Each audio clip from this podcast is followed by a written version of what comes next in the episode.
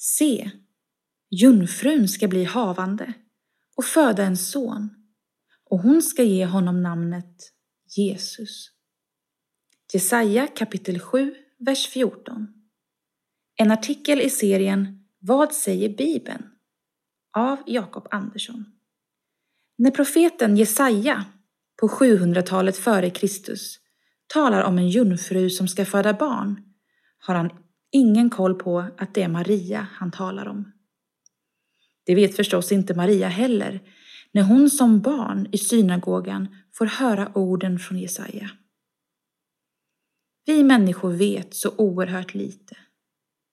Men det spelar mindre roll. Gud vet allt. Och i Bibeln avslöjar han glimtar av sitt fullständiga allvetande. Han lägger pussel med världshistorien, kallar och drar i människor och råder över allt i total kontroll. Han har sett Maria från evigheten och gjort henne till en del av sin uråldriga plan. Även om hon säger ja till att vara hans tjänarinna så är det inte Maria som väljer att göra något för Gud. Det är Gud som har valt henne. Detta är stort.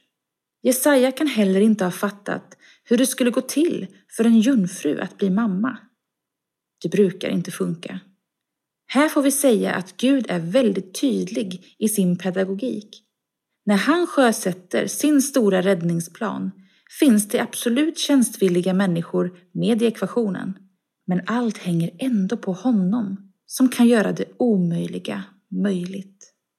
Maria är verkligen en förebild för oss.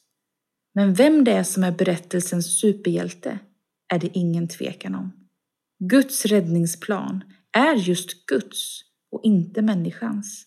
Han har förberett det hela. Han griper in. Han gör ett mirakel i Marias inre. Detta är ännu större.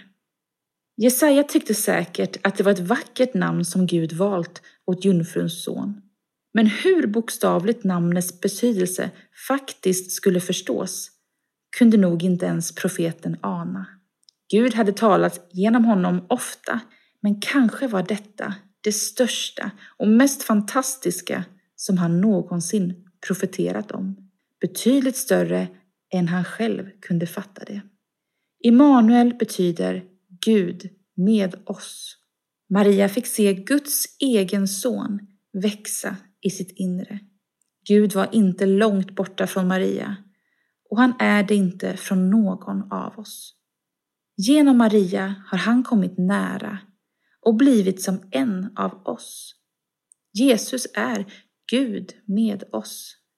Detta är det största.